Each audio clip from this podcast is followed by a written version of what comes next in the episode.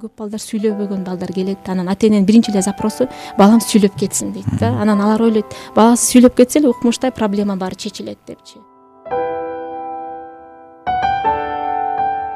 Салам достор. Мына ошентип биз э, кайрадан сиздер менен эки дарыгер аудио подкаст назарыңыздарда менин кесиптешим эрмек сиздер менен мен бегимай жана биздин бүгүнкү коногубуз колго кол уюмунун психологу умурхан саламатсызбы? Кош келипсиз. Саламатсыздарбы? Саламатсызбы. Бир аз өзүңүздү тааныштырып кетсеңиз кайсы мезгилден бери иштеп жатасыз? Бул э, коомдо башка жерде иштейсизби же болбосо бир гана ушул э, коомдо иштейсизби? Саламатсыздарбы дагы бир жолу. Биринчиден чоң ыраазычылык атайын көңүл бөлүп эфирден да убакыт бөлүп чакырганыңыздар үчүн. Бул биз үчүн чоң жетишкендик десем болот. Анткени ушу коомдун көңүлүн буралы өзүбүздүн көйгөйлөрдү биз жалгыз чече албайт экенбиз. Коом ичинде адам болуп жашагандан кийин башка адамдардын жардамына биз муктажбыз ошону сиздер аркылуу ушу медиа аркылуу биз элге жеткирип жатабыз ошондуктан э, сиздердин э, ишиңиздерге чоң рахмат. Э, рука в руке деп биз там колдогу кол же колго кол деп которуп жатабыз. Бул уюмга мен эки миң он үчүнчү жылы келдим.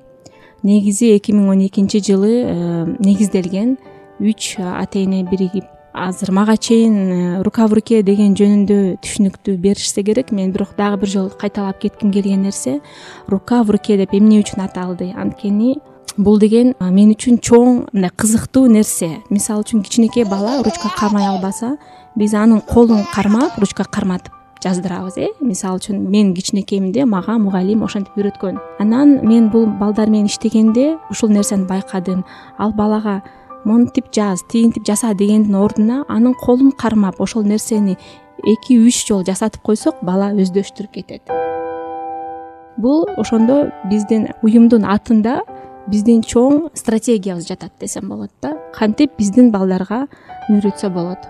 Жардам берсе болот. Жардам берсе болот. Биринчи эле нерсе ушудан башталат? Канча жылдан бери иштеп жатасыз? Акыркы алты жылдан бери балдар менен мындай такай иштеп жатам. Негизи он үчүнчү жылы келгенмин. Демек э, ушул гана жерде э, жумушуңуз э сиздин? Мен бул жерде мындай негизги жумушум деп деле айта албайм. Меники көбүрөөк волонтерский жумуш түшүнүктүү айтып бериңизчи э, сиздин э, функцияңыз ал жерде кандай? Биринчи мен келген себебим бул менин баламды да өзүнүн ушундай өзгөчө бала болуп төрөлүп анан өзүм балам менен иштеп жүрүп эч кандай жерден жыйынтык таппагандыктан бул жака келип бул жактан мен бат эле жыйынтык көрдүм. Азыр кудайга шүгүр э, балам жакшы өнүгүп калды. Эми бул эми жүз процент жакшы адам антип сүйлөсөк болбойт. Жүз процент баягы норма типичный болуп кетет деп айта албайм. Жана ушунча жыл иштеп мен көп нерсени көрдүм. Анан мен өзүмдүн мамилемди өзгөрттүм. Мага чоң эле жардам биринчи болду. Мен өзүмдүн мамилемди балама өзгөрттүм. Ошондон кийин анан мен дагы ушундай балдар менен иштегим келип андан ары үйрөнө баштадым. Бизде эң негизги аба терапия деп коет ошол методика менен иштейбиз. Ошол методика боюнча атайын курстарды бүтүп үйрөнүп ошол менен азыр балдарга жардам берип келе жатам. Демек сиз ушул ата энелерди менимче абдан жакшы түшүнсөңүз керек себеби дегенде сиз дагы айтып атпайсызбы сиздин дагы балаңыз бар өзгөчө демек аларга болгон сиздин жардамыңыз да өзгөчө болсо керек дейм да. Мындай жүрөктөн чыккан анан жакшы түшүнгөн э, жардам болуш керек да албетте мен бала менен иштегенден мурун биринчи мен ата эне менен сүйлөшкүм келет. Анткени ата эне ал баласын өзү түшүнүп кабыл алып жана ошонун бүт жагына даяр болбогонго чейин психологдор жана биздин тераписттер жасаган иш тикке кетет. Ошого биз эң биринчи ата эне менен иштейбиз. Бизде центрге жаңы келген ата энелер жанагы биз айткан семья и ребенок деген программадан өтөт ошол программада үч ай бою ата эне менен иштеп аба терапия деген эмне аутизм деген эмне кандай мамиле керек бала эмне үчүн поведениясы мындай болуп жатат деп ошондой функцияларын үйрөтөбүз. Демек сиз ата эне менен дагы иштешет экенсиз бала менен дагы иштешет ооба ата эне менен да иштейм бала менен да иштейм. Биз буга чейинки эпизоддо ата эне менен дагы маектешкен болчубуз. Алар мынтип э, айтты да биз э, алты жашка чейин баягы балабызда аутизм бар экенин билген жокпуз дарыгерлер да билген жок деп айтып жатат да. Психолог катары мындай эртерээк ошол э, кандай десем өзгөчөлүктү байкоо жөнүндө дагы айтып берсеңиз кантип байкаш керек? Эмнелерге маани бериш керек ата энелер сурооңузга чоң рахмат. Анткени бул нерсе мурда болгон нерсе эмес бул нерсени азыр дагы көрүп жатам менин эң эле чоң суранычым ошо биздин дарыгерлерге педиатрларга. Эмне үчүн? Анткени бир ай болот эки ай болгондо ар бир эне баласын таразага алып барат. Боюн ченетет алып барганда педиатрда чоң мүмкүнчүлүк бар. Ата энеге туура суроо берип жана ошонун жообунун негизинде кеңеш берип. Тилекке каршы бизде ушунчалык балдар көп жана дарыгерлердин убактысы чектелүү болгондуктан дарыгер таразага тартат. Боюн ченейт дагы мурду аккан жокпу жөтөлгөн жокпу все нормально деп ошо менен бизде бүтүп калат прием ошонун арасында мисалы үчүн бирге чыгып калган баланы силер э, ар кандай предметти ары бери кылганда балаңар карайбы силер балаңарга сүйлөгөндө күлүп жооп береби баягы кичинекей бала да күлүп кол буттары мынтип кыймылдаш керек. Бул деген уже общение башталат реакция башталат. Ошол барбы. Бир жарым жашар балага эгерде бирдемке кааласа указательный жестти көрсөтүп сурай алабы атынан чакырганда келеби деген эле беш алты суроо бар эң негизги. Ошол суроолорду берип билсек болот. Жанагы зона риска деп коебуз группа рискага киреби эгерде группа рискага кирсе ата энени коркутпастан эле э, возможно силер барып бир сыйра дагы башка жактан э, специалисттерге көрүнгүлө деп ата энени баласы бир жашында бир жарым жашында аябай жакшы направлять этсе биз канчалык балдардын жашоосун өзгөртмөкпүз ошол нерсени мен азыр күндөн күнгө көрүп келип жатам. Аябай кайгырам.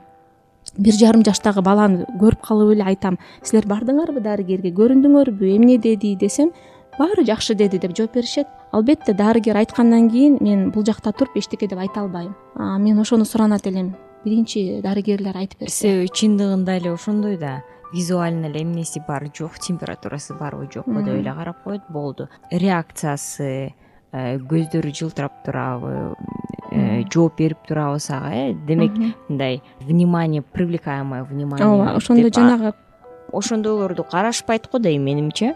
Для галочки эле болуп калып атат да ага дагы эми врачтарды деле бир чети түшүнөм. Мен өзүм барып жанагы приемдо отурганда коридордо там он он беш киши отурат. Азыр эми кээ бирки поликлиникаларга запись болуп калды кудайга шүгүр баягындай ызы чуу укпай калдым. Бирок ошондо деле сыртта ызылдамай бул жакта балдар киргенде кыйкырмай анан врачка грубо говоря не до этого болуп калат. Мен эми билбейм кандай может быть бул жакта бир эле бир структура эмес эки үч структура биригип бир ушундай мындай алгоритм берсе дейм да мисалы үчүн могу пандемия чыкканда бизде укмуштай алгоритмдер чыкты.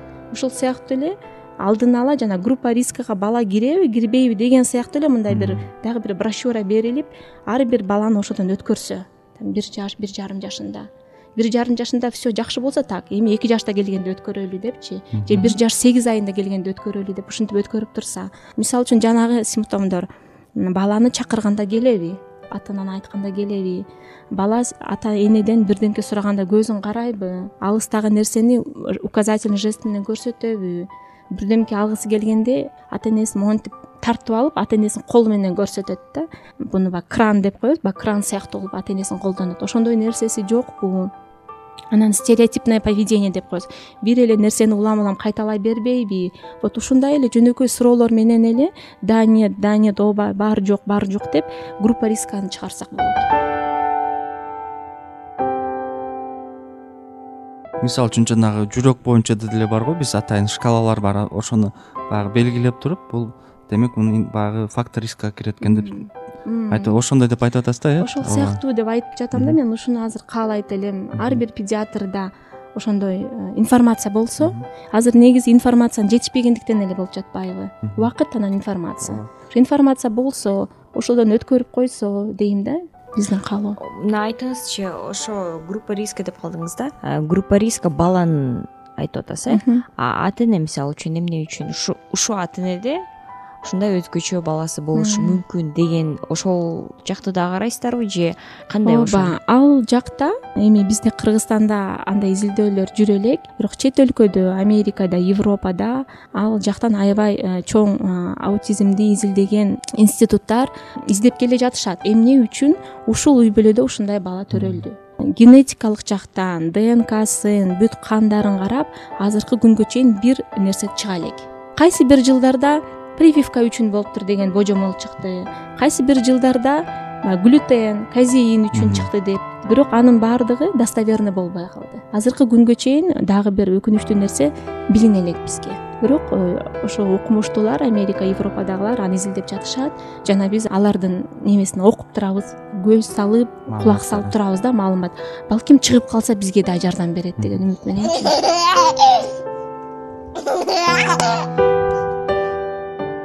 дарыгерлердин кароосу боюнча баягы жаштыгында айтып кеттиңиз да педиатр мисалы үчүн невролог. Ошондо менин мындай суроо пайда болуп атат да консилиумдун ичине психологдун дагы кеңеши керекпи керек эмес себеби? Мен өзүм тажрыйбам боюнча балабыз бар неврологко көрсөттүк мисалы үчүн педиатр а бирок мисалы үчүн психолог жөнүндө ойлонгон эмес экенбиз да. Ошол керекпи же керек эмеспи э, эгерде жанагындай галочкаларга мисалы үчүн группа рискага кирсе анда уже ошо аутизм боюнча иштеген психологко башка специалистке жиберсе абдан жакшы болот. Анткени педиатр ал биринчи эле мындай ступень болот да биринчи эле көрүп берет а группа риска бар. И ал жакта ошондой балдарды көрүп жүргөн үй бүлөлөр менен иштеген атайын специалист кабыл алса абдан жакшы болот. Ошондой психологдор биздин э, кыргызстанда барбы? Жана кайсыл жерлерде себеби? Балким ошондой издеген ата энелер бар бирок кайсыл жерге барышты билишпейт да? Айтып кетсеңиз. Бизде мына акыркы жылдары ошо рука в рукеге рука в рукенин демилгеси менен жаңы окуп жүргөн студенттерге барып аларды чакырып кызыктырып бизге келип иштегиле аба терапияны үйрөнгүлө үйрөтөбүз деп азыркы жылдары өзүбүз ошондой кадрларды чыгарып атабыз десек болот. Мен деле ошентип чыктым бул жактанчы ушул сыяктуу эле башкаларды чыгарып жатабыз. Ошондо эгерде специалисттин кеңеши десе бизде рука в рукеде диагностика жүрүп жатат келип бияктан диагностика өтсө болот. Биз бегимай кесиптешим экөөбүз ошол жөнүндө буга чейин сүйлөшкөнбүз. Мамлекет ушундай специалисттерди чыгарыш үчүн балким бюджетный местолорду берсе балким ошентип кызыгып бармак деп ойлоп атабыз да кадрлар да аз болуп атат да. Азыр эми э, биринчиден э, аутизм боюнча азыркы жашоого туура келген маалымат жана азыркы биздин жашоого туура келген методикалар эң негизги биринчи окуу жайга кириш керек программасына. Окуу жайдын программасына кириш керек. Ал киргенден кийин ал жака ошол жөнүндө бере турган мугалим да даяр болуш керек ошондо биз азыркы биздин балдар менен иштеп жаткан жаштарга кандайдыр бир мотивация беришибиз керек? Изилдөө жүргүзгүлө үйрөнгүлө кийин барып башкаларга үйрөткүлө деп биз мотивация беришибиз керек. Аны албетте биз мамлекеттин жардамысыз жасай албайбыз. Албетте ошол эле психологдор бар мисалы үчүн бгу же болбосо башка университеттер бизде бар да анан кийин. Менимче аутизм деген атайын ошо тажрыйбалуу мугалими болсо анан кийин ошолор үйрөтө алса керек да э? Ооба. Ошо диагноз коюлду баласына мисалы үчүн. Ар кимдин реакциясы ар кандай болот? Эненин реакциясы ар дайым бала жака болот. Эркектин реакциясы кичине ар кандай болот да? Мне уже пишут балким ал жок деп э, мындай кабыл албай жаңылыкты кабыл албастан анан кийин жок мен ажырашамын деген учурлар сиздин тажрыйбаңыз боюнча. Айтсаңыз э, болду беле кошумчалап кетейин ушул жерде көбүнчө ошо эркектер дагы аялга сен күнөөлүүсүң деп дагы бүт жүктү берип анан ошо чыдабай кетип калгандар да көп. Эми биз баягы дарыгер болгондуктан көп угабыз да ошол жөнүндө дагы сиздин жеке тажрыйбаңыз боюнча айтып кетсеңиз суранычым менин жеке тажрыйбамда мындай болгон энеси апасы баланын балам башкача болуп жатат бул жөнөкөй бала деп айта албайм деген суроо менен баласын алып келип бизге кайрылган чындыгында балада бар болчу симптомдор. Бирок ошол эле учурда атасы абдан каршы болду бизге келгенге. Менин балам андай эмес деп макул болгон эмес. Ошондо көп эмнегедир э, эне кабыл алса атасы кабыл албай калат. Ошондой учурларда жана сиз айтып кеткендей ажырашууга чейин барды үй бүлө. Убакыт керек болду окшойт атасына энесине караганда атасына көбүрөөк убакыт керек болуп бир нече айдан кийин атасы өзү баласын алып келип бизге бизден угуп башка балдарды көрүп бала менен иштей баштады. Ошентип алар ал үй бүлө кыйынчылыктан чыгып кетти. Бул эми мындай жакшы мисал десем болот. Анын арасында албетте ажырашуулар болгон үй бүлөлөр да бар. Мындай караганда эркек качып кеткен сыяктуу көрүнөт бала энесине бала апасына баланы калтырып кааласаң өзүң чоңойтуп ал деп. Андай учурлар деле болот.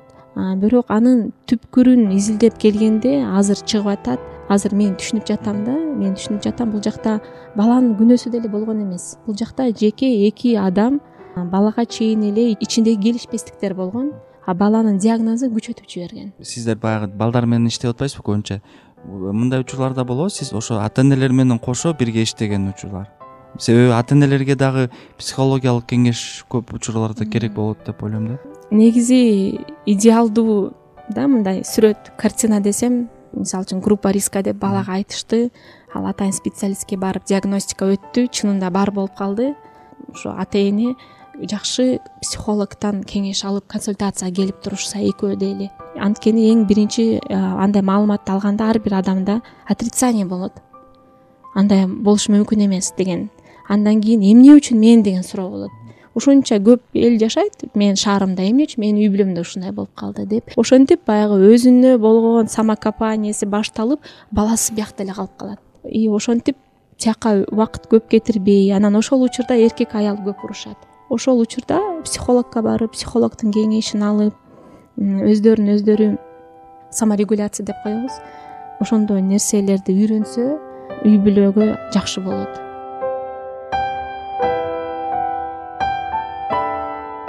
угуп отурсам аябай оор экен деп атам да. Өзүңүз айтыңызчы сиздин жумушуңузда эң татаал болгон э, кыйыныраак болгон э, моменттер? Биринчиден э, ата эне менен сүйлөшкөндө кыйын учурлар болот. Мисалы үчүн ар бир ата эне баланын ыйлаганын каалабайт. Ыйлаганын каалабайт дагы эпте ушул ыйлабаса экен деп каалаган нерсесин берет. Мисалы үчүн бир бала жерге жатып алып ыйлайт ал үчүн ата эне ага телефон берет э, азыркы биздин жашообузда болуп жаткан нерсе. Бирок ушул поведениясы баланы эмнеге үйрөтөт? А мага телефон керек болгондо мен жерге жатып алып ыйлашым керек дегенди үйрөтөт. Экинчи күнү э, сразу бербей калса бала барып башын бир жерге койгулайт. Башка үйүндөгү бирдемкени жасай баштайт.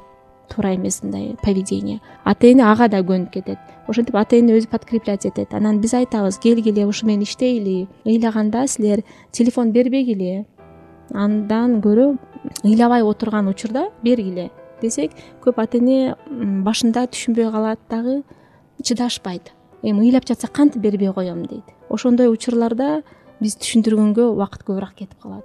Дагы бир учур болот. Кээ бирки балдар негизи эле бизге көп балдар сүйлөбөгөн балдар келет. Анан ата эненин биринчи эле запросу балам сүйлөп кетсин дейт да. Анан алар ойлойт баласы сүйлөп кетсе эле укмуштай проблема баары чечилет депчи сүйлөткөнгө биз сразу эле сөз коюп бере албайбыз да баланын мүмкүнчүлүгүнө карайбыз. Азыртан ар бир бала ар бир адам бирдемке сурап алганга укугу бар. Ошого сураганды үйрөтөлү просьбаны үйрөтөлү а просьбаны кандай жол менен үйрөтөбүз? Карточка менен үйрөтөбүз жест менен үйрөтөбүз дегенде да кээ бирки ата энелер каршы болушат аябай. Сөз менен үйрөткөндү каалайм дейт. А балада бир дагы таңга жок мисалы үчүнчү. Ушундай учурларда биз мага мисалы үчүн аябай көп убакыт талап болот ата энеге түшүндүрүш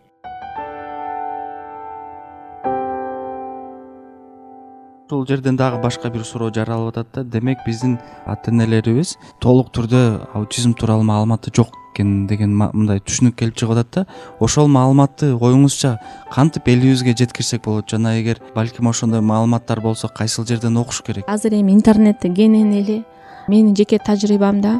Ал ата энелер башка ата эне менен башка үй бүлөлөрдү көрүп башка балдарды көргөндө батыраак үйрөнүшөт чынында. Практика жүзүндө көрүшөт бул бала э, азырынча сүйлөй албаса дагы бирок өз алдынча тамак жегенди билет өз алдынча тишин жууй алат. Ушудан башташым керек экен деп анан ата энелер өзгөрөт. Ошондуктан биз жанагы семья ребенокто атайын группада ата энелер иштешет. Ар бир бала өзүнүн ата энеси менен иштейт дагы жана жанындагы башкаларды көрөт. Ошол менин оюмча көп мындай позитивный моральный жактан дагы үйрөнүү жактан дагы көп позитивный учурларды түзөт демек инициативаны мисалы үчүн ата энелер өздөрү дагы көтөрүп балким жуманын аягында өздөрү чогулушуп баягы бири бирине айтып турса жакшы экен да. Себеби мен пандемия учурунда биз жанагы онлайн консультация ачкан болчубуз да коронавирус менен. Анан баардыгы жарандар меники мындай болуп атат тигиндей болуп атат деп эле бир чатты ачкандан кийин ошол жерге кирип алып баары түшүндү. А меники деле сеникиндей турбайбы деп баягы паника бир аз ылдыйлай түшкөн да. Демек ушул жерде деле ата энелер чогулуп балким чаттары деле болсо керек менимчечи. Ошол жерде сүйлөшүп кандай прогресс болуп атат ошол жөнүндө сүйлөшсө демек бул э, нерсе менен эртерээк мындай жеңип кетет деп түшүнүк келип жатат жана биздин уюмда дагы ата энелердин уюму болуп жатпайбы. Мисалы үчүн спрос рождает предложение деген бар э. Мисалы үчүн бизден ата энеден мамлекетке запрос талап болбосо ал мамлекетте иштеген адамдар кайдан билет бизге эмне керек экенин ошондуктан бизден инициатива чыгыш керек.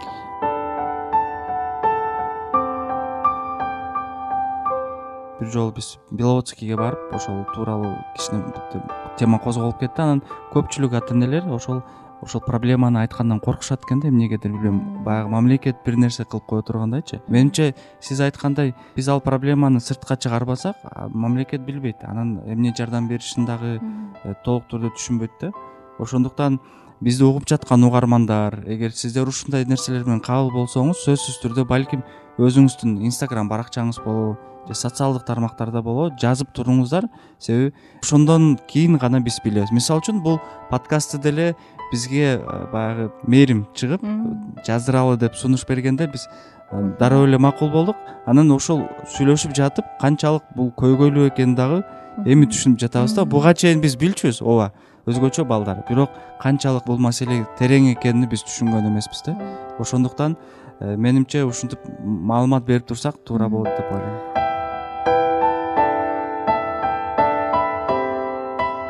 Дагы бир маалымат катары айтып кетчү нерсе биздин э, уюмдун председатели э, жылдыз сейитбековна жана башка ушул бишкекте өзгөчө балдар менен иштеген атайын уюмдар болуп жолугушуп өткөрүп жүрүп сиздер уккансыздар.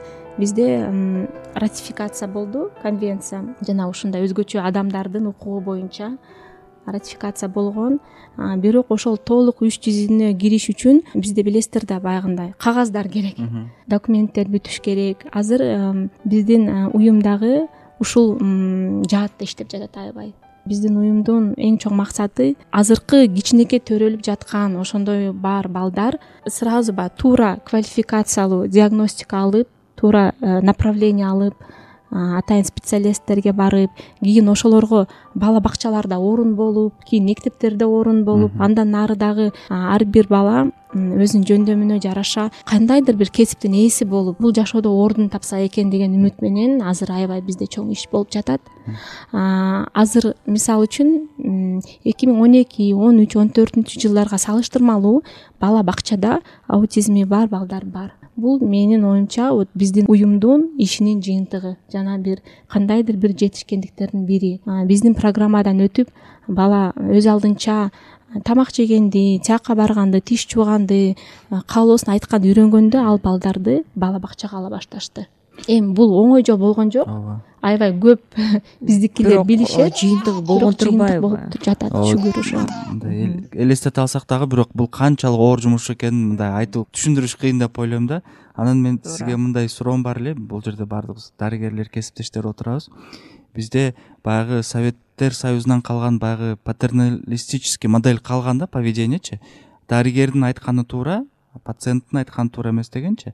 Анан ошол нерсе бизде уланып баратып биз өзүбүздүн баягы поведениябызды баягы мамилебизди көп учурларда байкабай анализ кылбай коет экенбиз да. Мисалы үчүн э, ата энелердин баягы айтуусунан кийин мен түшүндүм да биз кээ бирки учурларда катуу сүйлөп коет экенбиз орой мамиле жасап коет экенбиз. Анан ушул жөнүндө дагы сиз мындай өзүңүздүн пикириңизди айтып кетсеңиз кантип биз ошол мамилебизди дарыгерлер өзгөртүшүбүз керек жана ошол мамилебизди жакшыртыш үчүн эмне кылышыбыз керек? Жана кеңешиңизди дагы дарыгерлерге айтып кетсеңиз суранчы сиз айтып аткан нерсе ал бир гана дарыгерлердин эмес. Менин оюмча ошол доордо жашаган бүт эле адамдарга таандык сапат. Өзүн баягы мен кыйынмын мен бүт баарын билем мага келгенден кийин менин кеңешимди ук деген сыяктуу авторитарный да ошол сыяктуу характерден дагы келип чыкса керек. Азыр эми ушу бирок аз аздан келип жатат гибкий болуш керек да негизи ар бир эле адам. Гибкостьга дарыгерге дагы керек. Эгерде гибкий дарыгер болуп анан жана сага келген пациенттин чындыгында көйгөйү болуп жатса максималдуу пациентке оор кылбастан айтса мен ошону каалайт элем. Коом менен бирге өзгөрүш керек. Ооба. Э рахмат. Жообуңузга менин дагы акыркы суроолордун бири.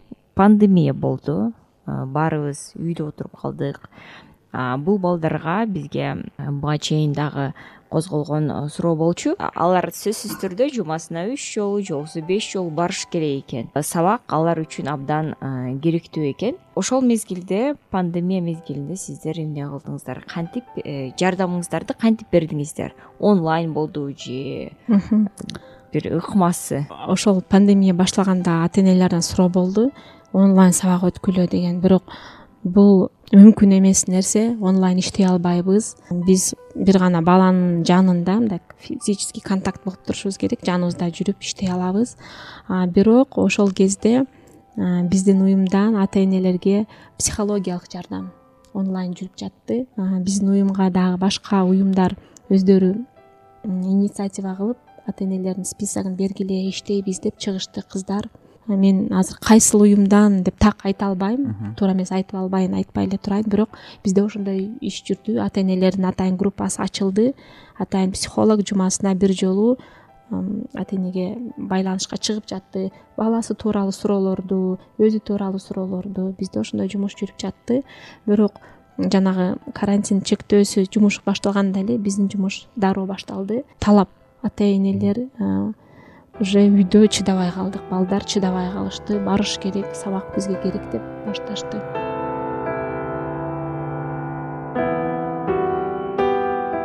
Азыркы учурда биз угуп жаткан угармандарга сиздин ата энелерге болгон кеңешиңиз ушул. Өзгөчө балдар менен эми эле баягы күрөшүп жаткан балким же эми эле уккан болсо кандай кеңештериңизди берип кетет элеңиз эми эле уккан ата энелерге менин эң негизги кеңешим биринчиден өзүңөрдү карагыла өзүңөрдү таштап менде стресс болуп атат. Же болбосо мен ушундай экенмин силер элдин баары мага жардам бериш керек деген нерсе да болбош керек. Кандай болсоңор ошондой эле болгула. Бирок силердин жашооңордо ушундай бала бар. Ушул бала үчүн силер жоопкерчиликтүү экениңерди сезип эмне үчүн ушундай болду деген себептерди издеп ага убакыттын кетирүүнүн кереги жок. Канчалык эрте ушу бала менен иштеп баштасаңар ошончолук чоң натыйжага жетесиңер анан ар бир баланын өзүнүн бир жакшы мүмкүнчүлүгү бар болот. Кайсы бир сферада өзүнүн күчтүү жагы болот. Ошол жагын жакшылап байкап анан ошо эң негизгиси эле баланы жакшы көрүп мээрим төгүп башка балдарды кандай мээрим төксөңөр ошондой эле мээрим төгүп көңүл буруп чоңойто бергиле демекчимин. Өзүңөрдү таштабагыла рахмат абдан мындай орусча айтканда трогательный. трогательный мындай бир кеңеш болду да. Кыргыздар айткандай э, сөөгкө жетүүчү бир кеңеш болду. Сиз тараптан чоң рахмат. Келгениңизге убакыт бөлүп ошентип бизге жок дебей келип сонун маалыматтарды бердиңиз.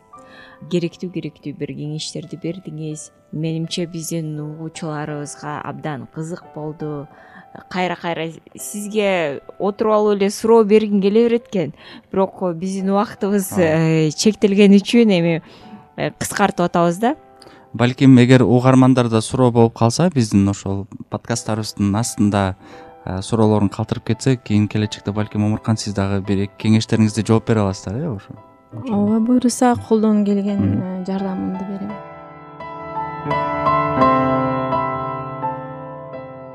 урматтуу угуучулар эгер сиздердин э, суроолоруңуздар болсо э, берсеңиздер болот. Биз э, сиздердин сурооңуздарды омурканга узатабыз. Биздин инстаграмдагы баракчабыз же болбосо ютуб баракчасында. Эки дарыгер эки дарыгер баракчасында өзүңүздүн сурооңуздарды калтырып коюңуздар. Биз омуркан менен байланышып анан сөзсүз түрдө беребиз. Кааласаңыздар бизде рука в рукенин дагы баракчасы бар инстаграмда. Же ошол жака э, түз эле ошол жака кайрылыңыздар. ооба. Чоң рахмат. Саламатта калыңыздар урматтуу угуучуларыбыз